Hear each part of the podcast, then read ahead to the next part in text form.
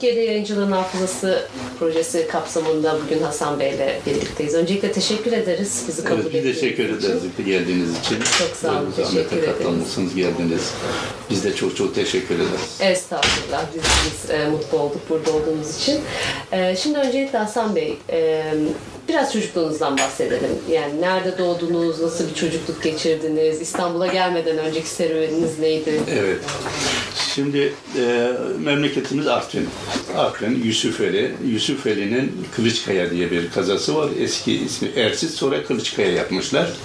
Kılıçkaya'da doğduk. Orada büyüdük. İlkokula orada devam ettik. İlkokul bitti. Şimdi bütün arkadaşlarım okumaya gittiler. Ee, Kars'ta Cilavuz Mektebi var, öğretmen okulu. Orada okuyorlar. Babam beni göndermiyor. Ben başladım ağlamaya, sızlamaya. Baba beni de gönder. Çünkü ben de iyi bir talebeydim. Yani öteki arkadaşlarım kazananların hepsinden hemen hemen iyiydim. Hepsi gitti kazandılar. Babam beni göndermiyor. Sonra ben çok ağladım. İşte dedelerimi devreye soktum falan. Dedelerim biraz şey yaptılarsa da babam dayatmaya girdi. Olmaz dedi. Ben dedi onu göndermeyeceğim bir yere. Sonra bana şöyle bir şeyde bulun. Dedi ki oğlum gel otur bak dedi. Oturdu. Bak dedi. Oğlum dedi. Sen gideceksin. Bizim oraların tabirinde kullanabilirim değil mi? Tabii tabii istediğiniz gibi. Gideceksin. Orada da okuyacaksın dedi. Urus olacaksın dedi. Urus bizim oralarda yani dinsiz manasına gelen bir şey. Böyle olacaksın dedi. Öğretmen oldun dedi. Alacağım maaş dedi 30 lira. O zamanki maaşlar 30 liraydı. Ben sana dedi askerden geldikten sonra dedi bu köyümüzde bir dükkan açacağım dedi. 900, 900 hanelik bir köy. Yani 7 mahallesi var. Burada dükkan açacağım çarşıda dedi. Sen dedi en az 5 öğretmene bedel para kazanacaksın burada dedi. Bir. iki memleketini terk etmemiş olacaksın dedi. Burada kendi arazimizle, kendi yağımızla kavrulacağız. Daha iyi olacak dedi. Babam baktım ki çok makul ya çocuğum ama babamın o şeyi hoşuma gitti. Ha, ben dedim davaları satıp dükkan açı, açacağım dedi. Sen askerden gel açacağım. İyi peki dedim. O zaman biz büyüdük, askere gittik. Askerliğimi de, e, acemi dönemi Denizli'de geçti. Denizli'den Maraş'a geldim. E, Maraş'ta tam tesisatımı teslim edeceğim. Yüzbaşı sen bizim bölgeye birinci bölge, evet birinci bölgeye geldin. Sen dedi İstanbul kaçta fethedildi dedi. Ben böyle şap diye 1453'te dedim. Tamam dedi çantanı bırak dedi hemen şu arabaya bin dedi. Ne oluyor bilmiyorum. Çantayı bıraktım emir, asker. Bindim arabaya. Çavuş kursuna gönderdiler beni hemen orada. Çavuş kursuna gittik. Çavuş kursunda bir takım hadiseler yaşadık. Onları anlatmayayım. Çok enteresan hadiseler oldu. Neyse bizim çavuşluğumuzu vermezlerdi falan filan derken Allah komutanı çok ciddi bir insandı. O beni bir dinledi. Ondan sonra bizim haklılığımızı gördü. Bizim çavuşluğumuzu yakmadılar. Verdiler. Geldik. Çavuşluğumuza devam ederken o arada beni depo çavuşu yaptılar. Depo çavuşluğuna devam ediyorum. Bir gün yüzbaşı alay komutanı çok büyük telaşla böyle böyle sağa sola telefon ediyorlar, telsizlerle konuşuyorlar falan. Yüzbaşı da beni çok seviyor. Ben de onu çok seviyorum. Yüzbaşım nedir telaşınız dedi. Dedi ki Hasan sorma dedi. Ne oldu dedi. Dedi ki "Ya bu teğmene söz verdik dedi. Hanımı geliyor dedi. Hanımı da avukat, o teğmen de avukat İstanbul'da. Yer bulamıyoruz, yatacak yer bulamıyoruz dedi. Bulamıyorsanız ben bulayım dedim. Nasıl? Söyleyin dedim. Kışlada yatmak isterse ben size hemen yer bulacağım dedim. Teğmenim, teğmenim gel dedi, gel. Bak Hasan ne diyor dedi. Böyle bir yer bulursa dedi, burada yatacağım dedi. Dedi ki yatacak yer olsun da neresi olursa olsun fark etmez dedi. İyi dedim. Hemen 5-6 tane asker aldım. Onlardan onlar eğitime gittiler. Deponun tuvaletli odası vardı. Oraya bir tane şey taktım. Söyle adını su. Bak birden gelmedi adı. Işık mı? Yok yok. Banyo yapabilmeleri Şofben. için. Şofben. Hemen bir şofben yaptım oraya. Yaptım, taktım. Oraları temizledim. Karyolar getirdim dışarıdan aldım. Süsledim, püsledim. Sünnet odası gibi yaptım. Karyolar, çarşaflar falan filan. Eğitimden döndüler. Yüzbaşı geldi. Oraya bir baktım. Böyle Hasan bu ne? Bu ne? Bunları nereden buldun? Ya yüzbaşı, bunlar hepsi levazımda var. Levazıma getirdim, işte yaptım falan. Bir türlü bunu kabullenemiyorlar. Nasıl yaptın diyorlar bunlar falan. Albayım, albayım, hele buraya gel dedi. Albay geldi. Albay da şaşırdı. Oğlum burayı nasıl yaptın dedi. Ya albayım her şey vardı, yaptım işte dedi. Ondan sonra dedi ki, iste ne istiyorsun dedi. Dedim oğlum ben askerim ne isteyeceğim sizden bir şey istemiyorum dedim. İzinli kullandın mı? Kullanmadım dedim. Peki sana bir ayda mükafat veriyorum dedi. iki ay. Ya albayım bizim memleket çok uzak dedi. Yani gitmek gelmek bayağı bir problem olur. Yok dedi. Para salyonla parası mara hepsi bana ait dedi. Yol masraflarında ben yok dedim. Olbayım ondan değil dedim. O param var dedim. Ama dedim çok uzak dedim. Gidiş geliş sıkıntı olur dedim. E sonunda yaparsan bana böyle bir iyilik yap dedim. Tamam lan hatırlat dedi sonunda vereceğim. Derken işte askerlik bu. Kıbrıs hadiseleri çıktı. O Kıbrıs hadiselerinde biz işte Silifke'ye gittik, Anamur'a gittik, askeri eğitimler yaptırdılar, deniz eğitimler yaptırdılar falan. Kıbrıs'a hareket emri geldi, gemilere bindik, limecelere dağıttılar, takım takım. Hücuma geçtik, tam Kıbrıs'a çıkacağız, yaklaştık ve 300 metre kalmamıştı denizde. Zaten 300, 250, 300 metre kare hepimizi denize döküyorlar bize. Yüzme, o 110 kiloluk silahlar sırtımızda bize çocuk oyuncağı geliyor falan. O kadar bizi yetiştirdiler ya. Derken asker geri dönsün diye bir emir geldi. Hadi geri dönmüyor. Bir yılın mücadele mücadele neyse döndürdük askerler geldik geri. Döndük tekrar birliğimize geldik. E, askerliğim dolmak üzereydi. İşte izin mükafat verilirse bir ay kalıyordu. O arada Yarbay geçiyordu ya. Yarbay'ın yola selam verdim önünden geçerken. Hasan Çavuş buyurun alo Yarbay'ım dedim. Sen dedi günün ne alemde dedi. Ne kadar kaldı dedim ki e, eğer ver, e, albayıma verilen mükafat sayılacaksa bir ayım kal dedim. Ulan o bir ayda ben verdim dedim. Erkenden bitmiş. Erkenden 65'in son aylarında ben askerliğim bitti. Sonra nereye döndünüz Ondan sonra o arada işte o alıp e, teğmen gelmişti ya hanımı geldi Evet. orada kaldılar ya hanımı işte ben ne tahsilim var ne diyor nasıl onları soruyor ben diyorum ya benim ilkokul tahsilim var ki başka tahsilim yok yok ilkokul tahsili bunu yapamaz diyor. Ya bunda bir şey yok ne var bunda yapılacak diyor. Sen dedi İstanbul'a gelir misin dedi yani iş bulsam dedi. Valla iyi bir iş olursa gelirim dedi. Neyse geldim İstanbul'a. Ankara'da kız kardeşim var. Orada yatacağım gece. Ertesi buraya geleceğim. O arada abim oraya geldi. Ankara'ya geldi. Kız kardeşim orada karşılaştık. Ferit Develioğlu'nun Osmanlıca Türkçe lügatı vardır. Kalın bir lügat. Onun İstanbul bayiliğini yapıyormuş abi. İşte lügat alacağız. O zaman beraber gidelim İstanbul'a dedi. Peki dedim. Gittik. O baktım beşer tane paket yaptırdı. Niye beşer tane dedim. Param bu kadar dedim. Yok dedim bende çok para var dedim. Baya param var.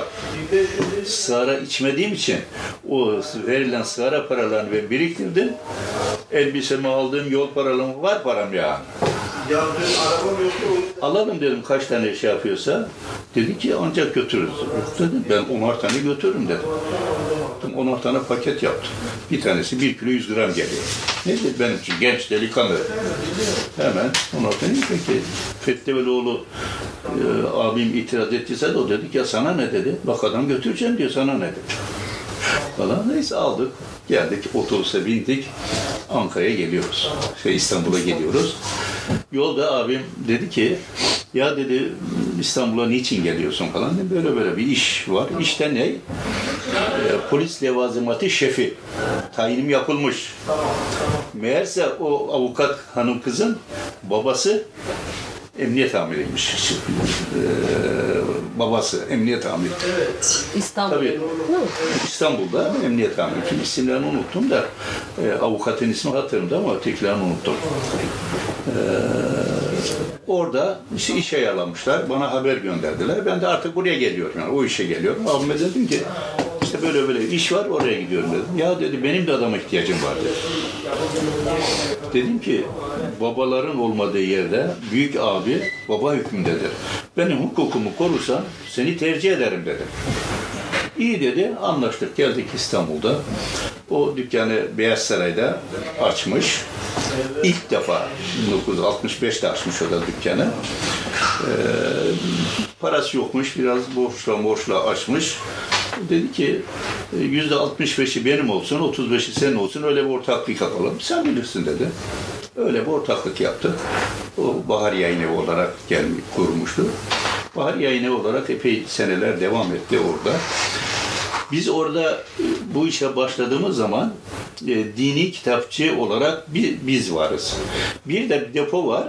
Deponun sahibi de eser yayınları var Halil Eser. O depo olarak kullanıyorlar. Diğerleri ayakkabıcı var, efendim marango şeyi var, mobilyacı var, film şirketi şeyleri var, terlikçiler var. Böyle beyaz şey kapalı çarşı yandıktan sonra bir süre esnaf buraya taşımış öyle. Kitapçı olarak bir de sol neşriyat var. Onlar da orada falan.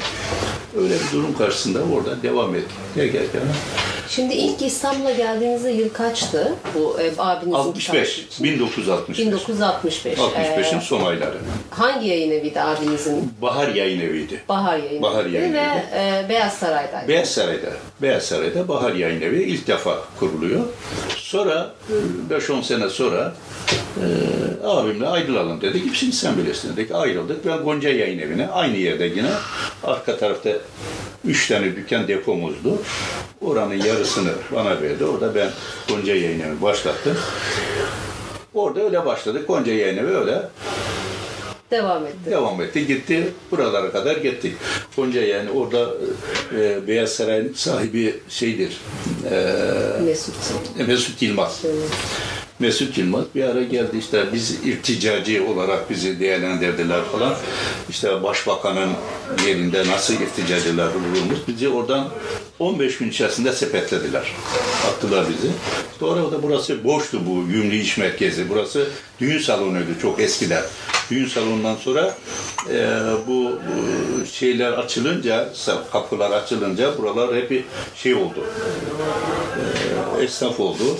Ee, daha çok elbise türü şeyler satıyorlardı. Onlar da bir ara boşaldı burası. Sonra kitapçılar dolmuş. Şimdi 40 tane kitapçının tamamı buraya geldik. Burada devam edip gidiyoruz. Gidiyorsunuz.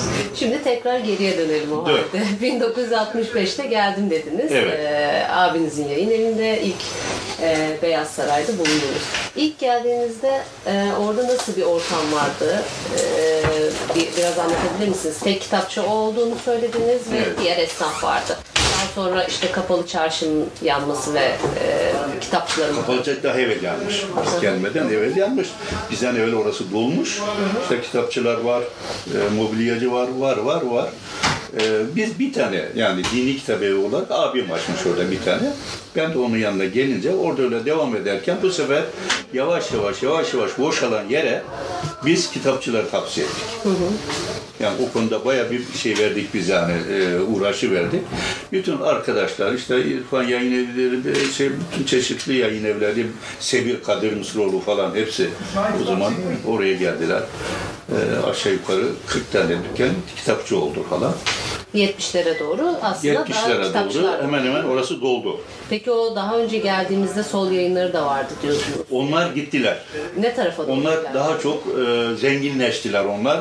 Böyle büyük yerler tuttular Cağaloğlu'nda falan. Oralara gittiler. Şimdi Cağaloğlu biz tarafına. e, o Beyaz Saray bizim için oldukça önemli. Çünkü Evet. e, yayıncılığı konuştuğumuzda hikayemiz sürekli Beyaz Saray'a Evet. dönüyor. Çünkü e, aslında biraz İslam neşriyatın e, ortaya çıktığı, yayıldığı yerler. Siz de söylediniz Kadir Mısırlıoğlu'nun da yayın evi oradaydı. Başka kimler vardı? E, neler yapılıyordu Beyaz Şimdi Saray'da? orada e, Tohum diye bir dergi vardı. Evet. Tohum bu İmam Hatip talebelerinin kurmuş olduğu tohum. E, hemen benim bitişimdeydi o. Onu da ben aracı oldum, tuttum yani orayı da onlara ben şey yaptım. Sonra işte Çile Yayın Evi geldi. O Çile Yayın Evi'ne yine bizim deponun bir tarafında bir dükkan vardı. Orayı verdik o zaman ona arkadaşa. Orayı verdik derken Çelik Yayın Evi geldi. İşte Sinan Yayın Evi geldi. E, Kadir Mısıroğlu geldi. Ders Saadet Kitabevi diye İbrahim Subaş hocamız diye meşhur bir hoca vardı. O geldi. E, o hep e, antika kitaplar satardı. Eski Arapça kitaplar satardı. Diğerleri Türkçe kitaplar. İşte Eser Kitabevi'nin orada yeri vardı. Demir Kitabevi geldi. E, efendim e, Sabri Dereli arkadaşımız vardı. E, ya bak yani kitabının adı ismi gelmedi. Zahid. E, efendim e, Sabri Dere'nin kitabının ismi neydi? Turan Eşli. Turan Eşriyat geldi. E, efendim şey e, Yusufların Ee, Hisar. Hisar. E, niçin böyle e, şey yapıyorum, bocalıyorum? E, bana bir şey oldu böyle, unutkanlık geldi. Unutkanlık geldi. Birden isimleri söyleyemiyorum. Sonra sonra yavaş yavaş söylüyorum. Hatırladık. Başka e, Pınar Yayın Evi, İrfan Yayın Evi, Aslan yayını. Arslan Yayın Evi, e, Huzur Yayın Evi. Bunlar, e, onları daha sonra yani hatırladıkça yine ifade edersiniz He. isimleri muhtemelen e, hafızanıza gelecektir. Evet. E, nasıl yayıncılardı? Yani çoğu İslami yayıncılıkta Bunların ama hepsi mesela altmış- İslami yayıncılardı. Hepsi İslami yayıncılar. Hep dini kitaplar çıkardılar. Yani başka herhangi bir neşriyat yapmadılar. Tamamen dini kitap üzerine. Peki kitle nasıldı? Yani buraya gelen kitle nasıldı? Orada nasıl bir alışveriş vardı? Orası e, orası çok muazzamdı. Oradan müthiş alışveriş yapardık ve güzel iş yapardık. E, Yani orada e, mesela akşamları ben bütün kolileri bağlamadan evime gitmezdim. Böyle koli koli kitaplar bağlar gönderdik. Buraya geldik şimdi ayda bir tane koli bağlayamıyoruz. Yani Eski şeyden mi? işlerle bugünkü işlerin arasında çok uçurum var. Ama niçin? Şuradan kaynaklanıyor. Ee, mesela o gün 11 tane kitapçı vardı yayıncı diyelim. O 11 yayın çoğala çoğala çoğala bugün 2000 tane İstanbul'da yayıncı var. Ankara'da var, Konya'da var, e, Trabzon'da var, Erzurum'da yayıncı. Sadece kitapçı değil. Bir de yayıncılar var. Sonra buralarda hep kitapçılarda. Olan tabii hem bu dağılı verdi hem de o günkü gençlikle bugünkü gençler arasında uçurumlar var şimdi. O günkü gençlik kitap okuyordu. Niçin okuyordu? Sağ sol kavgaları vardı. Bilinçlenmek için solcular sol kitapları okuyorlar, sağcılar sağ kitapları okumakla çünkü çarpışıyorlar, mücadele ediyorlar ya illa okumaları gerekiyor. O dönemlerde müthiş kitap okunuyordu. Bastığımız kitap en az 5000 adetti. En az 5000 adet. Bugün bugün bin tane basıyoruz. Seneler gidiyor. Seneler sürüyor. Ama o gün 5000 kitabı 3 ayda bitiriyorduk. O günkü satış da büyük bir şey. O gün şey biraz daha belki okuyucu az ama okuyucu vardı. Vardı. Bugün belki çok e, yayıncılar çoğaldı, kitap çoğaldı ama okuyucu oldukça düştü. Bizi perişan ediyor. Allah devletimize zeval vermese de şunların önüne bir şey yapılsa. Ben çocukken radyo çalardı evde. Değil mi? Radyo. Eskiden radyo vardı. Saat 12'de tık kesilirdi. Ya Böyle bir sistem gelmesi lazım, bir şey yapılması lazım. Ya bugün 3 yaşındaki bir çocuk televizyonu, şey televizyona bağımlılık. Aman ya Rabbi. Alamıyorsun. Uyumuyor çocuk. Uyumuyor. Cep telefonu. Benim bir torunum var şimdi 3 yaşında. Annesi babası biraz sıkı duruyor işin üzerinde. Bana gelir dede bir dakika gelir misin diyor. Beni benim odaya çağırıyor. Dede bir dakika gelir misin diyor. Böyle yapıyor. Dede bir dakika gel. Dede azıcık bakacağım kapatacağım ama. Azıcık bakacağım. Dede azıcık bakacağım. Ben dayanamıyorum. Annesi kızıyor, babası bana kızıyor ama e ben çocuk dayanamıyorum. Hadi biraz açayım diyorum. Bu sefer kapatmıyor çocuk. Olmaz bize başlıyor çığlık çığlık bağırmaya. Kapatmam diyor. Onun için bunu ne yapılır bilemiyorum ama bu tabi devlet meselesi. Bunu inşallah ileride bir şekil gelmezse yazık nesil gidiyor. Nesil gidiyor yani. Biz bir zamanlar için bu başörtü meselesine kelle verdik buralarda. Kelleler verdik. Müthiş kavgalar, dövüşler neler. Bir kızcağıza şöyle birisi yan baksa biz hemen o delikanlıya saldırırdık.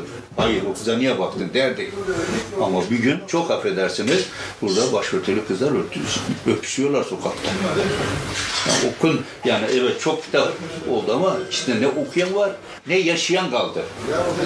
Yaşayan kaldı o konu için. Bu konuda biraz çok müthiş bir ızdırabımız var. Doğrusu. Çok ızdırabımız var. Bunları bilmiyorum yazarsanız geçer geçmez ama bu konuda rahat değiliz yani. Şimdi okuyucu çok nitelikliydi ve çok fazla kitap e, satışı Yani yapıyordu. o Biz zaman bayağı bir okuyucumuz vardı. Türkiye'nin her tarafından, bırak Türkiye'yi, Almanya'dan yurt dışına hatır hatır kitap satardım ben. Orada kim okuyor? Türkler okuyordu. Ama şimdi o, o siparişler kalmadı, bitti ya. Şimdi bu e, Beyaz Saray'ın 70'li yıllarına tekrar dönelim biraz daha. Buyurun. E, nasıl kitaplar vardı? Yani İslami içerikli kitaplar var diyoruz ama biz e, sonuç olarak e, şöyle şöyle bir yorum vardır mesela işte İslam STK'laşma e, olmadan evvel e, Müslümanların bir araya geldiği e, diğer grupların da aslında diğer e, ideolojik grupların da bir araya geldiği mekanların çoğu yayın evidir. E, yayıncılardır. Beyaz Saray'da biraz o işlevi görüyordu sanıyorum. Yani saydığınız çünkü yayın evlerinin çoğu da e, dönemin önemli yayınları. Evet. 80 sonrasında da o e, format değişmiş biraz. E, bize oradan böyle anekdotlar var mı? Çünkü e, biz sağdan soldan okuyoruz, dinliyoruz ama siz bunların hepsini direkt yaşadınız. E, kimler gelir giderdi? Nasıl bir mahfil vardı orada? Şimdi e, her o zaman şunu da söyleyeyim. Mesela biz orada aşağı yukarı çoğaldı orası bayağı kitap doldu. Mesela benim bastığım kitabı öteki arkadaşlar basmazdı. Öyle bir birbirlerimize saygı vardı. Buralara gelenler mesela Mahir İz diye bir hoca efendi vardı. Müşir, e, şeyde ilahiyatta e. O zat her cumartesi oraya gelirdi. Her cumartesi. Mahmut Bayram Hoca diye bir hoca efendi vardı. Efendim e, böyle çok hoca efendiler gelirlerdi. O talebelerle sanki orası okul olurdu bir medrese. Bir okul. Dershane gibi. Nerede otururlardı orada? Bir Dükkanlar. alanı mı vardı? Dükkanlara. Arada boşluklarımız var. Mesela çıkarır çocuklar sandalyeleri veririz böyle or- ortalarda konuşurlar. Hocaları dinlerler. Hocalar anlatır. Onlar dinlerler var. Ad- Adeta orası bir okul gibiydi de aynı zamanda. Ve çok temel eserler basıldı. Mesela İhya gibi, Fizilal gibi, Vasat-ı Beyan tefsiri gibi, Kur'an'la, Kur'an'da peygamberler gibi. Mesela benim bastığım kitap, en çok sattığım kitap o zaman Fıkıh Sire, peygamberimizin hayatını anlatan bir kitap. Müthiş bir kitaptı ve iyi de okunurdu ve bayağı da satardım yani. Buna benzer çok e, edebi kitaplar basılırdı, çocuk kitapları başladı. Daha sonra eskiden çocuk kitabı basmamıştık. Daha sonra sonra çocuk kitapları da başladı. Şu anda da yayıncılarda çocuk kitabı ağırlıklı çalışmalar vardır yani. Tefsir kitapları falan. Her çeşit tefsir mesela e, şeyin ilmihali e, ne, e, Ömer Nasuh Bilmen hocamızın tefsirleri, İslam hukuku, mesela İs- İslam hukuku diye bir kitap vardı onun. 8 cilt üniversitelerde ders kitabı olarak okutuluyordu. Şurada Edebiyat Fakültesi'nde ders kitabı olarak okutuldu ki satılıyordu o zamanlar yani. E, Onun ilmihali kitabı bütün Türkiye, dünyaya neredeyse e, yani ev, eve girmeyen kitap belki o girmediği ev belki yoktur ya. O derece satılan bir kitap oldu. Zaten İstanbul Üniversitesi'nde hemen Tabii. e, yan olduğu için kitlede öğrenci Tabii değil mi? Direkt oraya İstanbul yakın ve bu kitaplarda çok satılan kitaplardı. Daha böyle hoca efendiler olarak ne bileyim şimdi isimleri mesela bakın çok enteresan bir hadise anlatacağım. Ee, Kemal Kuş Kemal Kuş Onun, onun kitaplarının bir kısmını biz dağıtım yapıyoruz. Bir kısmında Sönmez Neşriyat vardı Cağaloğlu'nda. Onlar yapıyorlar. Bir gün işte ara ve alışverişlerimiz oluyor. Bir ara böyle bir hafif bir şey oldu abimle aralarında bir soğuk bir şey oldu yani. Bir gün Kemal Kuşçu geldi. Dedi ki Hasan abi nerede dedi. Evde dedi. Çal gelsin buraya dedi. Çağırdım. Çok geldi Kemal Kuşçu hocamız burada falan geldi. Osman dedi aramızda ufak bir niza oldu dedi. Ben hakkımı helal ediyorum. Sen de hakkını helal et. Ben yarın yolcuyum dedi. Biz o yolcuyum deyince hacca gidecek diye öyle zannettik. Ya hocam işte inşallah Allah kabul etsin bize de dua edersin falan filan böyle derken gitti. Sönmez'e gitti. İşte oradan başka yerlere gitti. Dolaşmış, dolaşmış, dolaşmış. En son avukatı vardı Kemalettin Numer o zaman kendisinden ifadelere çağırıyorlar mahkemelerde kitap falan yasaklanmıştı falan bir şeyler vardı. Kemalettin Numer'e diyor ki ben diyor sen benim avukatımsın diyor. Ben şimdi diyor birçok kişilerimi dolaştım diyor. Arkadaşlar dolaştım. Hepsinden helallarımı aldım diyor. Yarın diyor cenazeme geldiğin zaman diyor bütün arkadaşlardan diyor tekrar almadığım kişilerden helallıklarını alacaksın diyor. Seni avukatımsın, vekil olarak söylüyorum diyor. Avukat diyor ki hocam ne diyorsun? Ben yarın yolcuyum diyor. Bu halen yolcuyum deyince bize herkes hacca gidecek. Sabahleyin erkenden kızı telefon açtı. Babam rahmetli oldu. Söz, dondu kaldık. Dondu kaldık. Böyle bir hadise yaşadık yani biz bunu. Gözlerimizle, hayalimizle, her şeyimizle bunu gördük yani. Yani birçok kitapçılar da buna şahittir. Eskiler ya, eski kitapçılar. Mesela Sönmez'in o zamanki müdürü Ali İhsan Hoca vardı. O da gelirdi Beyaz Saray'a, gençlere şey, birçok şeyler anlatırdı. Buna benzer birçok hocalar gelirdi. Mesela Ertuğrul Düzdağ o zaman e, şeydi, kız şey var lisesi orada hocaydı, edebiyat hocasıydı. Sonra onu öğretmenlikten aldılar. O müthiş kitaplar yazmıştı. O kitapların bir kısmını muhtelif yerlerde basıldı. En çoğunda ben basmıştım falan. Halen de Ertuğrul'un kitapları, şuralara bak hep Ertuğrul Düzdün Düzdağ'ın kitaplarıdır. Ee, en sonunda bu hatıratı var. O da zaten bize geçti falan. Beş cilt oldu. Öyle devam ediyoruz. Daha yazarlardan mesela e, şey gelirdi. E,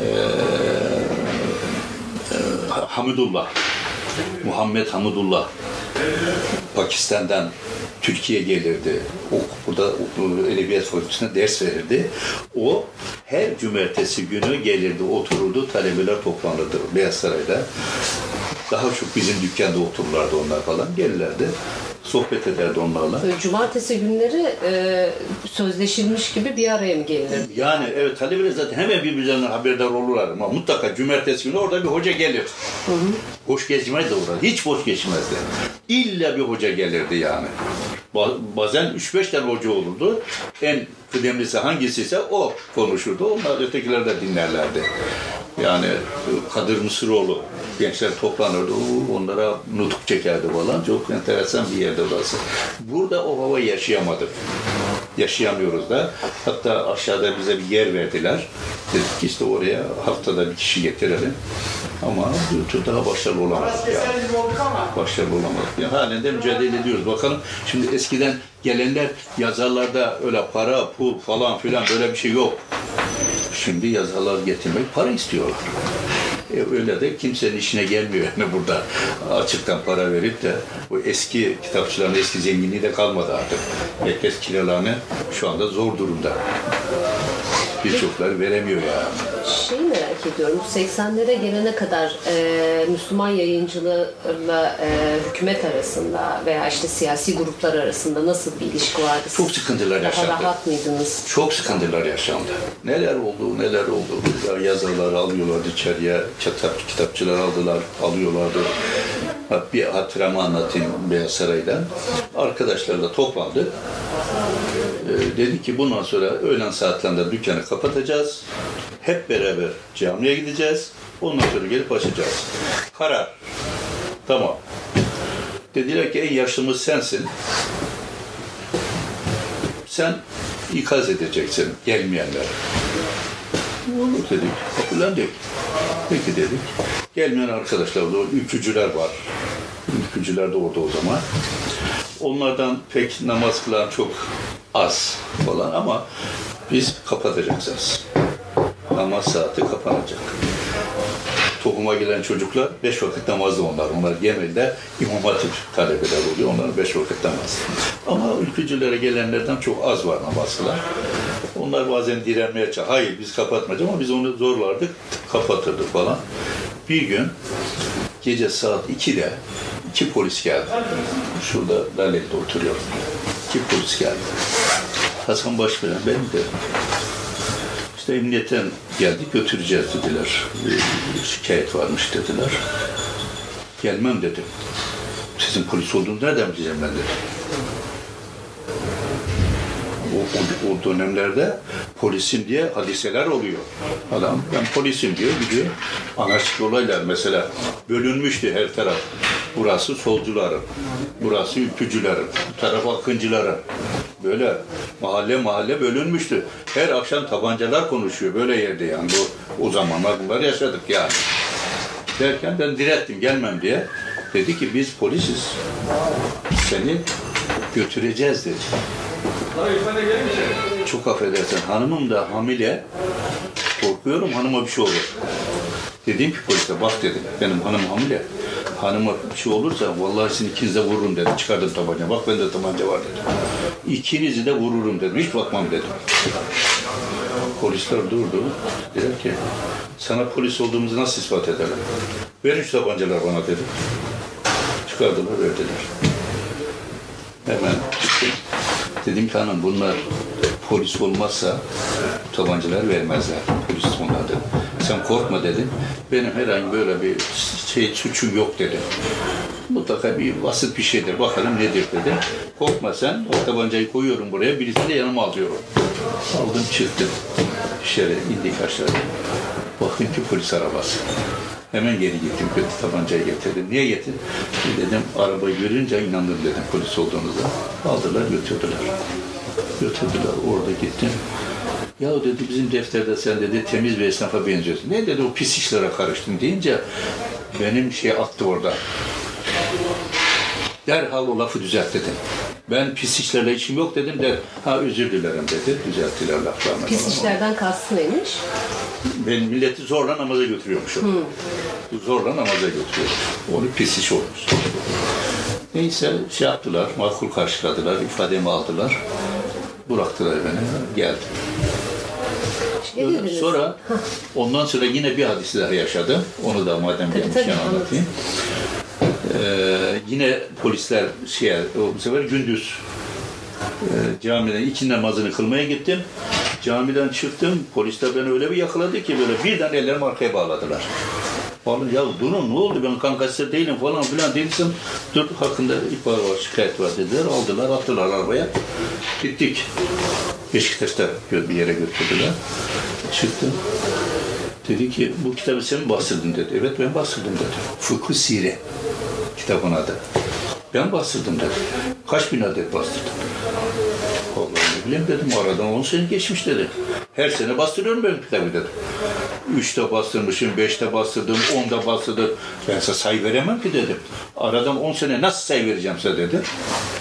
Dedi ki bu kitabı dedi kaç adet bastığını, nerelere sattığını tek tek bize adreslerini getirmezsen seni mahvedeceğiz dedi. Ben o anda böyle yaptım. Bunu nasıl yaptım ben bilmiyorum. Gayri ihtiyar mı oldu artık şuur altı bir şey oldu herhalde. Ben böyle yapınca bu bir bar öldürün bunu dedi başımıza böyle olacak dedi. Çıktık. Beni getiren polislerden birisi şeyciymiş. Eee milli hareketçi.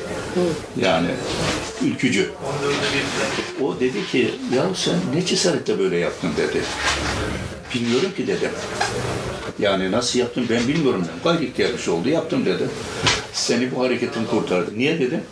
dedi ki bunlar senden para alacaklardı dedi.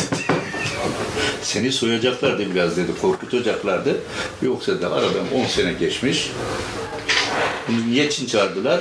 Hani Bahriye Ülçuk diye birisi öldü ya Evet. Malatya'da. Evet. Benim kitabın içerisine tabanca bombayı yerleştirmişler. Göndermişler ona. Öyle mi? Sui, suikaste şey, Evet. sizin kitap. Tabii bizim kitap. Hangi kitap? İşte Fıkıh Sire. Fıkıh Sire. Fıkıh Sire kitabı. İşte sen bu kitabı, ya ben ne yapayım kitabı? Her yerde kitap var. Alır, koyar, götürür. Bunu nasıl ispat edeceksiniz ona? İşte öyle vadisede yaşadım yani. Öyle bir şey. On- onun üzerine aldılar yani. Hani yayın Evet, evet. öyle bir duruma Tabii, evet, karıştı. Öyle bir şey için aldılar yani. Hadise. Sonra orada eski kitapçılardan mesela şey vardı, e, bizim yazarlarımızdan e,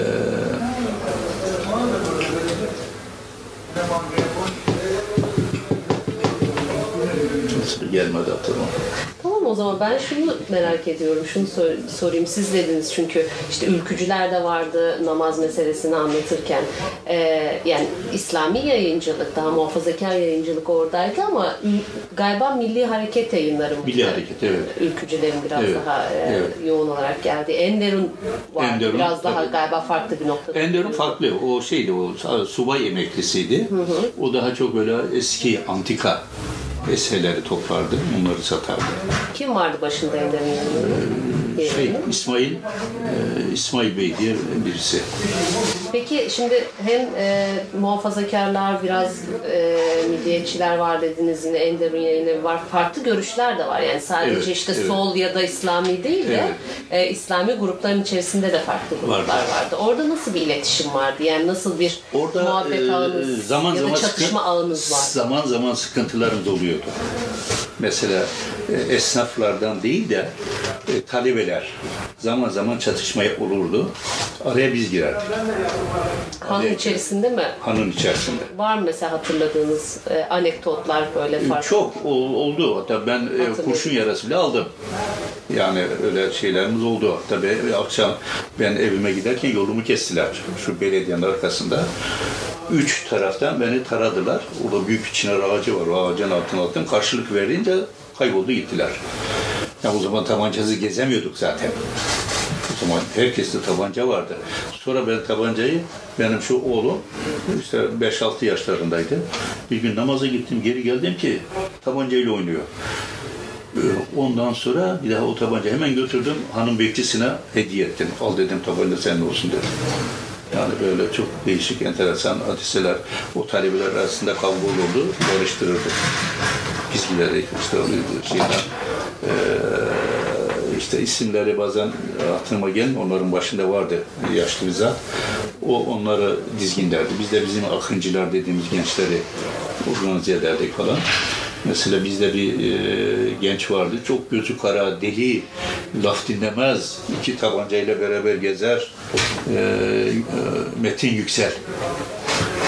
E, şey Yüksel'in o Selahattin Yüksel'in oğlu Metin Yüksel falan böyle enteresan çocuklar vardı çok gözü kara çocuklar çok okulsuzca şey komünizme mücadele derneği vardı hemen bizim bir sokak ötemizde onun başkanı İlhan Darenderlioğlu yapı gibi bir adam ve böyle uzun bir akşam eve giderken benim önümde yürüyordu. Ben de tam arkadan yetiştim yetişeceğim koluna girip selam vereceğim yani Baktım güm bir ses baktım ki bir kurşun adama.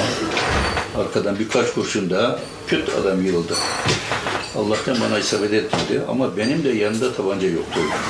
Eve giderken yoktu. Olsaydı müdahale edecektim. Edemedik. Siz Adam da akıncılarla- Yığıldı kaldı orada.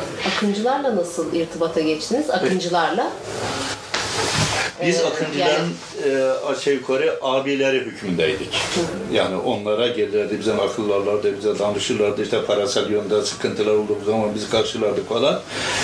E, benim e, bir gün yine şuradan evime giderken e, şeyler, solcular benim üzerime şey attılar, domates attılar.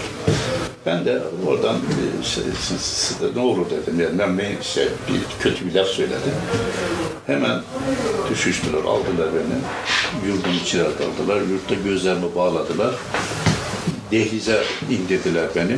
O zaman öğrendim ki Yeni Kapı'dan eee şeye Eminönü'nün oradan Yeni Kapı'ya şey varmış, tünel. Yer tünel, işte şu tüneli, o tüneli genişlettiler. Şu tünel var ya, o tünelde oradan yer. Oraya aldılar beni, orada ifademi alıyorlar. Beni ülkücü olarak ifademi alıyorlar. Ben ülkücü değilim dedim. Değilsin, değilim derken işte epey bir mücadeleden sonra e, ben ülkücü olmadığımı kanaat getirdiler. İşte biz şu anda akıncılarla pek şeyimiz yok dediler. Akıncılara pek yanaşmıyorlar ama ülkücülerle habere çarpışıyorlar falan. Sonra o benim ifademi alan çocuk Artvin'deymiş. E, Ben de Artvinli olunca hemşirelik ağır bastı. Neyse dinlediler. Beni bıraktılar. Beni bıraktılar. Çıktık. Aradan biraz zaman geçti. O çocuğa, benim ifademi alan çocuğu görev vermişler. Git filan adamı bu gece öldüreceksin. O adam da şey, Katip Sinan Camii'nin imamı. Biz de o mahallede oturuyoruz. Sabah namazına oraya gidiyoruz. Orada tam çıktık. Biraz sonra o, o beni işte o sorguya çeken e, genç gitmiş. Hocam ben seni vurmaya geldim. Ama vuramıyorum demiş. Elim tabancaya gitmiyor. Ne oldu bilemiyorum ama seni ben vurmadan gidersem beni öldürecekler. Ne yapacağım ben demiş şimdi. Beni çağırdı hocam. Çağırdı gittik. Hemen ben Korkut Özal çağırdım. O zaman Korkut Özal burada oturuyordu. Daha milletvekili değildi. Şeyde öğretim üyesiydi. Ee, şurada Vatan Caddesi'nde üstünde şey vardı. Mühendislik okulu vardı. Orada şeydi, öğretim üyesiydi. Onu çağırdım. O geldi. Onunla konuştuk falan. Ne yapılacak? Dedi ki o zaman bunun dedi vadeli şey var dedi. Adana'da bir okul var dedi. Bu çocuğu dedi Adana'ya göndereceğiz dedi. Çocuk buradan vatan mühendisliği okuyor. Nasıl olacak? Dedi ki senin oranın müdürü senin hemşerin dedi. Kim? İşte filan. Eğer sen onu ikna edebilirsen ben de hocalar ikna ederim. Bunun o kaydını buradan oraya aktarırız dedi. Olur mu? Olur dedi. Hemen aldık çocuğu gittik okula. Hemen müdürle ben görüştüm. Kabullendiler. Hemen hocaları topladılar. Bunun kaydını, kuydunu yazdılar, çizdiler. Bunu gitti otobüse bindirdik. Biraz da parasını verdik oralarda sıkıntı çekmesin. Gönderdik gitti şey Adana'ya. Bu çocuk Adana'da okudu okulu bitirdi. Evlendi. İki çocuk sahibi oldu. Şeyde e, mühendis oldu. Mersin'de petrol bilmem ne şey var ya orada. Orada mühendis olacak çocuğu orada vurdular. Çocuğu orada vurdular. O dönemler. Buna benzer bir tane daha anlatayım. Şimdi ihtilaf şey e, ihtilaf olmuştu. Kenan Evren dönemiydi galiba. Şey e, sıkı yöntem savcısı Süleyman Takkeci. O bir gün telefon etti bana. Dedi ki sizin bir kitabınız var dedi. Kur'an Ahkamı diye iki ciltlik kitap var. O kitabı okumak istiyorum dedi. Ben de bir eleman gönderin, vereyim dedi. Sen gelemez misin dedi. Dedim ben gelemem. Niçin? Ben sakallıyım dedi. Seni mimlerler dedi. Ne dedi? Ne, ne demek o dedi. Savcım sen daha yenisin herhalde dedi. Daha pek bir şeyden haberin yok. Ben oraya sakal olur gelirsem senin canını okurlar dedi. Olmaz öyle şey. E, oluyor dedim. Bunları yaşıyorsunuz ama farkında değilsiniz dedi. Neyse dedi ben aldırtacağım kitabı dedi. Şoförü geldi. Kitabı verdim. Bir cildini verdim. Para almadım. Gitti telefon attı. Niye para almadın? Ya kocaman sıkı yöntem savcısı bir kitap alacak bizim geleneklerimize ters düşer o dedim. Ben almadım. İyi peki dedi. Ya ben seninle tanışmak istiyorum. Gel o zaman dedi. Tanışalım. Ben gelemem oraya dedi. Aradan bir hafta geçmişti. Pat telefon. Ya bu kitabın ikinci cildi var. Var. E, niye vermedin? E verseydim şu telefon eder mi? Bak şimdi telefon ettin yine. Yine görüşüyoruz bak gördün mü dedim. Ulan sen ne biçim adamsın dedi bana. Ondan sonra şoför yamuk para gönderin bak alacaksın dedi. Hele gönder dedi. Geldi yine onu da verdim gitti. Para almadık okudu. Okuduktan sonra merak etmiş. İlle gelecek. Geldi dükkana. Gene geldi konuşuyoruz şimdi. Yahu bir aydır eve badanacı göndereceğim götüremiyorum dedi. Ya bu kadar basit bir şey bana söylesene dedim. Ne? Ben yarın sana badanacı gönderirim. Nasıl? Ben göndereceğim dedim. Beğenmezseniz parayı vermezsiniz dedi. İyi tamam dedim. Beşiktaş'ta tanıdığım şeyciler vardı, badanacılar, telefon açtım. Dedim ki gidin filan subayın evine badana yapacaksınız. Hanımı telefon açacak bana. Diyecek ki tamam beğendim, çok güzel yaptılar diyecek. Ondan sonra gelin paranızı alın benden. Sakın oradan para almayın. Gittiler, yaptılar, çattılar. Bir hafta sonra aradı. Hasan Bey çok teşekkür ederiz, çok güzel yaptılar falan. Sağ ol, teşekkür ederiz ama para almadan gittiler. Halledeceğiz o zaman dedi. Geldiler, paralarını ödedim gittiler. Ertesi günü diğer albay geldi. O da teşekkür etti. Hasan dedi ya. Ya adamlar para almamışlar dedi. Borç ne kadar dedi. Vallahi yarın şimdi söylesem inanmayacaksın. Ya bir sakallı adam parayı burada hesaplaşırken verdi gitti dedim. Ne dedi? Nasıl olur? Ya verdi gitti ne yapayım ben dedim ya. Parayı verdi gitti. Olmaz sen şey yapıyorsun dedi. Sen verdin dedi. Yok dedim abim o verdi gittiler falan. Neyse bırak kızdı mızdı bağırdı falan derken bir telefon geldi. Telefon geldi. Şurada ilim yerme yurdu vardır. Oradaki gençlerden telefon geldi. Abi ne oldu? 11 tane genci içeri aldılar dedi. Akıncı gençlerden 11 tane genci. Niçin? MSP'nin afişlerini, afişlerini dağıtıyorlarmış. Yani gece takmışlar ondan dolayı içeri alıyormuş. Böyle konuşurken duydu. Ne oldu dedi. Dedim ki Allah'ım dedim bizim çocuklar çağırmışlar. Niye? Afiş, afiş başka bir şey var mı dedi. Tabanca mabanca var mı? Yok dedim. Tabanca falan yokmuş. Sadece afiş dağıtmışlar. Ondan dolayı içeri almışlar. Nerede? Yeni işte Kumkapı Karakon'dalar. Hemen telefon açtı. Telsiz. Telefon yok o zaman. Telsizlerle. Telsizle çevirdi. Dedi ki şu sinde burada çocuklar varmış. Za işte çocuklar varmış. Var efendim dediler. O çocukları bırakın. O dosyalar var mı? Acele şuraya getirin dedi. İki tane polis dosyalar getirdi. Tamam dedi size. Teşekkür ederim. Sizin işiniz bitti dedi. Gidebilirsiniz dedi. Dosyaları car car car car gitti attı. Ondan sonra dedim ki albayım bizim daha böyle çok çocuklar var. Dosyalarını şey yap dedi, isimlerini, dosyalarını, bana şeylerini getir dedi. Eğer tabanca yoksa dedi, onları da hallederim. 33 tane gencin dosyasını yırttırdım orada. Böyle. Sonra bu zat artık o hadiselerde belki işte o zaman tabii şimdi belki duymamışsınız o zaman büyükler, yaşlar duymuştur. Öldürüleceklerin üçüncü sırasına bunu koymuşlardı. Süleyman Takkeci Hürriyet Gazetesi'nde isim olarak neşredildi. İşte öldürüleceklerin üçüncü sırasında Takkeci var diye. Bunu, Kim tarafından isteği He? bu? Kim Solcular. Komünistler tarafından öldürülecek. Bunu tuttular, şeye gönderdiler.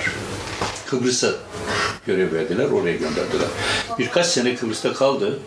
Tekrar Ankara'ya döndü. Ankara'ya getirdiler. Adamı Ankara'da vurdular. Solcular vurdular. Yani böyle günler çok böyle ne gençler, neler, neler neler. Şu şeye bayrak asmışlardı komünist bayrağını. Kuleye. Şuradaki kuleye. Çapa öğretmen okulu var şeyde. Oradan iki genç geldi. Abi dedi, oraya Rus bayrağını astılar. Ne yapacağız? Ne yapacağız? Gidip indireceğiz dedi. Türk bayrağını asacağız. Kalktı üç kişi. İki tane bir de ben üç kişi kalktık. Ben orada gece ortaokulda okuyorum aynı zamanda. Çok cehalet o zaman. Biz de biraz deliydik yani o zaman. O bayrağı oradan alıp indirsen, Türk bayrağında hiç kimsenin ruhu duymayacak. Tuttum bayrağı orada yaktım. Biraz fedakarlık yap. Hadi salladık falan tabii. Yandı bayrak. Aşağı indik ki şeyin etrafını sarmışlar. Üzerimizde toz var. Zehir toz var. Silah o o zaman. Tabanca yok. Silah toz var o zaman. Bir de demir jok var elimizde. Şöyle içeri girer, bıraktığın zaman çıkar. Kolumuza bağlı.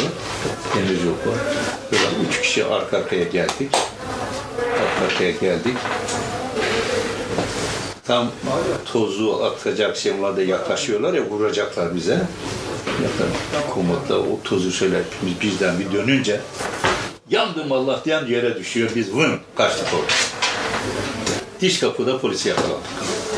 Polis yakaladı, aldı götürdü bizi. O çapadaki çocuklardan birisini yatırımda falakaya, falakada dövüyorlar.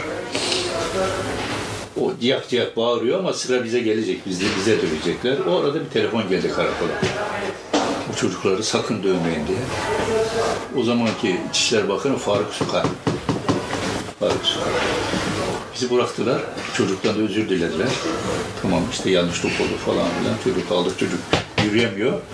Kollarına girdik. Çocuğu aldık getirdik işte götürdük revire. Revirde şey yaptılar. Pansuman mansuman yaptılar öyle. Yani böyle enteresan.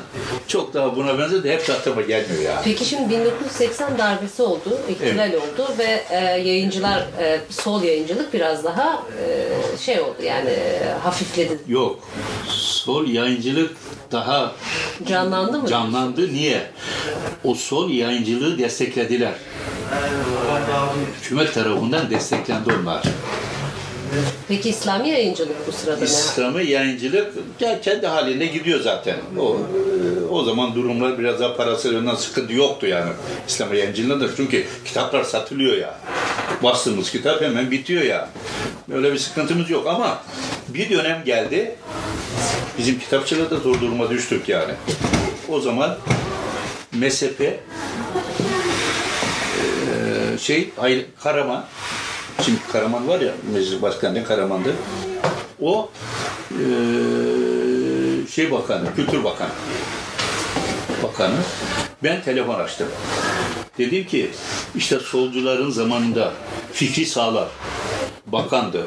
Fikri Sağlar'ın bakan olduğu dönemde solculara en küçük bir kitapçıya 500 bin lira para girme kaydı şartıyla 3 milyarlık kitap aldılar. 3 milyarlık. Onlar bir anda kalkındırdılar. Siz de dedim biz şu anda bak dedim hasbel kadar ülkücü arkadaşımız ama benden daha dindar bir insan şu anda arabasını satıyor dedim. Sıkışıklığından arabasını satıyor dedim. Sen de bize bir fedakarlık yap bak onlar bu kadar kitap mı? Ben dedi daha fazla alacağım dedi. Ben de 5 milyarlık alacağım dedi. Sizi kalkındıracağım. Sen dedi kitapçıların isim kalkınma kaçar para vereceğin taksimatını yap dedi. Ben de bu kadar alacağım. Ama şu anda bütçede para yok dedi. Ne kadar para var dedi. Dedi ki 60 bin lira var. Dedim sen o 60 bin lirayı gönder. Bu arkadaş arabasını satmasın. Ben bu 60 bin lira pay edeceğim. Bu arkadaşın bir araba parası satılacak kadar para vereceğim. Bunu yapmaz. Ya biraz sabredin dedi. Ben işte bütçe, bugünlerde bütçe belli olacak. Ben size işte alacağım, alacağım derken pazartesi günü ihtilal. Pazartesi günü gitti. Gitti. Alalım dedik. Bizim şeyler de gitti. Yani onlar yaşadılar, kurudular, kitap takviye ettiler, para verdiler ama biz e, hükümetten böyle bir takviye alamadık bu dönemlerde. Öyle geldi geçti şimdi öyle gidiyoruz. Peki sizin akıncılarla ilişkinizin dışında partiyle ilişkiniz var mıydı? MSP'nin kuruluşundan beri, Milli Nizam'ın kuruluşundan beri vardım. Varım. Şimdi benim dostlarım bana sen de, de Yahudileştin diyorlar. Niçin diyorlar? Dedim ki arkadaşlar tamam Tayyip bir hata yaptı. Bir hata yaptı Tayyip. Gitti. Ama bak şu anda bütün dünya Tayyip'in karşısında. Gelin Tayyip'i destekleyelim. Hem fikir olalım. Müslümanlar bir araya gelmezse bak bizi yiyecekler onlar. Arkadaşlar kabul etmediler. Kabul etmediler. O Şimdi ben onların gözünde, benim arkadaşlarım gözünde ben Yahudiyim yani. Şu an peki Saadet Partisi ile bir ilişkiniz var mı? Yok şu anda ilişkim yok. Beni e, şey yaptılar yani sevmiyorlar yani artık. Niye? Tayyip'e oy verelim demişim diye. Sevmiyorlar. Peki partiyle nasıl irtibata geçtiniz ilk? Hangi partiler? E, Milli Nizam Partisi ile kuruluşunda da vardım dediniz Rahmetli ya. Erbakan'ı biz e, İskender Paşa Camisi var ya Evet. Mehmet Said Kutlu Hazretleri partinin kuruluşu o zamandan başladı. O zamanki istişarelerde bizi de çağırıyordu. Bu e, şey değil mi yayıncı Yayıncı dönemi. O, o dönemde. Tabii o dönemlerden. O bizi çağırırdı. Bizimle de istişare ederdi. İşte kurucu, ben Eminönü kurucularındanım. Onlar Tayyip, onlar il teşkilatında falan ama Tayyip'ten evvel Mehmet Okur e, ilk oranın başkanı, mezhebenin ilk başkanı Mehmet Okur'du, İstanbul başkanı. Sonra e, çok işte Korkut Özal bir ara şey yaptı. Sonra başkaları e, Şadoğlu diye meşhur bir zengin vardı. O geldi falan. Sonra yavaş yavaş e, mezhebe de parçalanmaya başladı. Derken e, Korkut Beyler işte e, ayrı, ayrı şey çektiler. Başkaları ayrı falan derken o 24 tane milletvekilimiz daha çok Nurcu ağırlıklı olanlar bizden ayrıldılar falan. Öyle hadiseler yaşadık. Hatta o dönemlerde e, gençliği e, ha- hacca gitmek için böyle bir bunları anlatmamdan bir şey yok değil mi? Hiçbir şey yok. E, gençliği işte, e, şey kurdular, hac şirketler kuruldu, hacca götürecekler bir grup genç. Anadolu'dan da e, bir takım e, işte insanlardan davetler falan gidecekler. 300 kişi falan gidilecek. Topkapı Milli Gazete'nin çıktığı yerde Anadolu'dan gelenler orada. Biz gittik bir kısmını evlerimize götürüyoruz ama ben de gideceğim o teşkilata, ben de varım. Gideceğiz. Ama çoğusu sokakta yatıyor orada. Dedim ki oradaki görevlerden birisine bu esas baş görevliler nerede dedim. Dedi ki önü gören evindeler dedi. Kalktım buradan gittim önü gören evine. Gittim ki kapıyı açık unutmuşlar ve açmışlar. Envai çeşit meyveler, sular, sebzeler, neler neler böyle yiyorlar, içiyorlar. Hocanın aleyhine konuşuyorlar. Erbakan şöyle yaptı, Erbakan bunu yaptı, Erbakan Erbakan'ın sağ kolları. Erbakan aleyhinde konuşuyorlar. Kapı dinlemenin günah olduğunu biliyorum ama dinledim. Dinledim. Şöyle ellerimi koydum. Sizi Kisra saraylarında yaşayan 200'lüler diye bir bağırınca ortalık karıştı. Kaç kaçmaz. Kaçtım oradan Kemalettin Erbakan'ın evine. Kapıyı öyle bir vurmuşum ki korkmuş adam. Kapıyı ne oldu Hasan? Zaten biraz Pepe'dir o. İyice kekeledi. Ne oldu ne oldu ne oldu? Dedim ki çabuk bana hocayı bul. Çabuk bana. Açtı telefon hemen hoca çıktı. Hocam neredesin? Faht'ın yanındayım dedi. Suudi Arabistan'da bizi almak için uğraşıyor hoca oralarda. Faht'ın yanında. Dedim ki Burak Faht'ı tahtı gel hele gel Faht'ın bir hallet dedim. Ondan sonra ne oldu dedi. Ne olacak dedim. Bütün kabahatler senin yüzünden oluyormuş dedim. Gelince görüşelim dedi. Geldi. Osman Çataklı ile akrabadır onlar. Osman Çataklı hocanın kız kardeşiyle evlidir. Oraya çağırdılar beni sabah kahvaltısına. İşte hoca orada benim şey yapacak. Ne diyor anlat bakayım diyecek. Bir baktım ki o günkü oradalarda, oradan iki kişi var orada. İki kişi oradalar. Hocam dedi ki anlat neydi o hadi. Dedim ki şu iki tanesi delikanlıysa onları anlatsın dedi. Eğer delikanlılarsa oradaki söylediklerini burada sana söylesinler dedim. Söylerler mi? Mormos oldular. Bana böyle diş biliyorlar falan. Söyleyemediler. Ben bildiğim kadar bir şeyler söyledim. Bize şöyle dediler, böyle dediler falan. Hoca, nasıl hoca dedi ki sen dedi müfettiş yapacağım dedi. Dedim ki ben müfettişlik yapamam. Niye? Ben dedim okula, okuldan atıldım dedim. Ben şeyliyim dedim. At, olamam dedim böyle şey yapamam. Yok dedi ben seni müfettiş yapacağım dedim. Ya olamam hocam dedi. Niye dedi? Peki dedim şu anda müfettişim ne yapacağım bunlara dedi. Ne yapacağım söyle dedi. Söyle müfettiş olacağım dedi. Ne yapayım dedim al bunlar dedi. Başka yok daha iyisini bunun ilerle çalışayım dedi. Hoca böyle adamlarla hoca yenilecek bir adam değildi. Hocayı bu kendi sağ kollar. Nasıl bugün Tayyip'in etrafında yamyamlar varsa o gün de hocanın etrafında yamyamlar hocayı yediler. Bugün de Tayyip'i yamyamlar yiyecekler ya yamyamlar yiyecek. Onun için Tayyip bu işin belki farkında ama ne kadar başaracak, ne kadar başaracak onu da bilemiyorum dedim bana. Böyle enteresan hadiseler. Çok böyle buna benzer bir yan hadiseler yaşadık yani evet.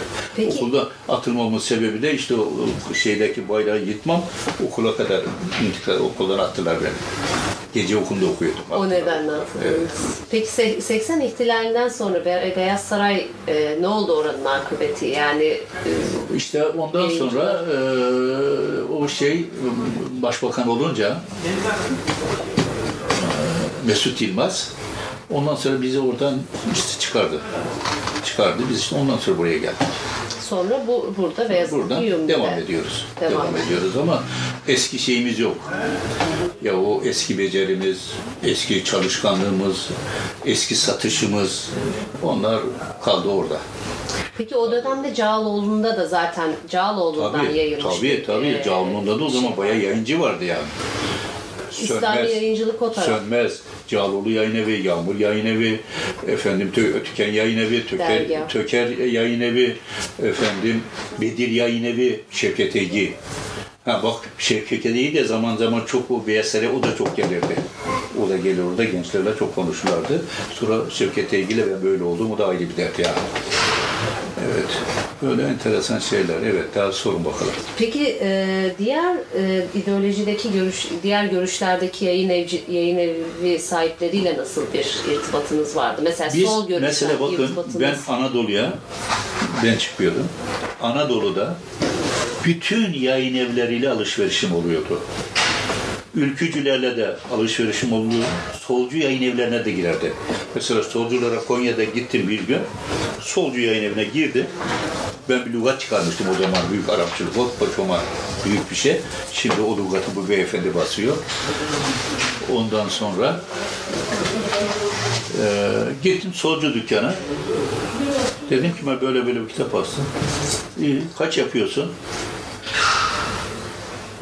Yüzde otuz dedi. İyi dedi, on tane getir bana dedi.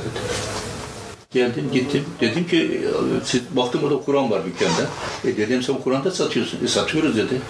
E solcular nasıl satır Kur'an satmazlar dedim başta. E ben satıyorum dedi. İyi gittim 10 tane Kur'an getirdim sattım. Sonra geldim bizim Zeki Sakal diye meşhur oranın en eski kitapçısı. Bana oğlum sen orayı nasıl sattın onları dedi. "E, sattım dedi. E, sattım. Yani şunu söylemek istiyorum. Bütün oradaki solcusuyla, sağcısıyla hepsinin dükkana girerdin. Hatta ülkücülerle kavga ederdik. Ben Erbakan'ı savunurum, onlar Türkeş'i savunurlardı. Ama o siyasi kavga orada kalırdı. Ama kitapçılık devam ederdi. Öyleydik yani biz. Beyaz Saray'da da öyle oldu. O ülkücülerle hepimiz bir aradaydık. Kendi aramızda kavga etmezdik biz. Anlaşırdık. Ama dışarıdan talebeler kışkırtırlardı. O talebeler kışkırtan talebeler gelirdi. Böyle pataküte bazen şeyler olurdu yani. İlk e, bastığınız kitapların çoğu çeviri kitaplar. Zaten e, o zaman e, telif, Telif. yoktu Türkiye'de. İşte Seyyid Kutub'un, Mevdudi'nin, e, şeyin, e, Hamidullah'ın, e, buna benzer eski yazarların, o eski e, Arapların kitapları tercüme edilirdi ve satılırdı. Aman yarabbim, aman yarabbim. Sonra sonra sonra sonra şimdi bak tercüme çok az. Yani çok Ne az zamandan tercüme. sonra? Tamamen telif. Ne zamandan yani bezi sonra yazarlarımız. Aşağı yukarı şey, e, 80'lerden bu tarafa başladı. Şimdi e, şu 10-15 senedir de bayağı çoğaldı yani. Artık yabancı kitaplardan ziyade kendi telifleri yazarlarımızın kitaplarını basıp satıyoruz.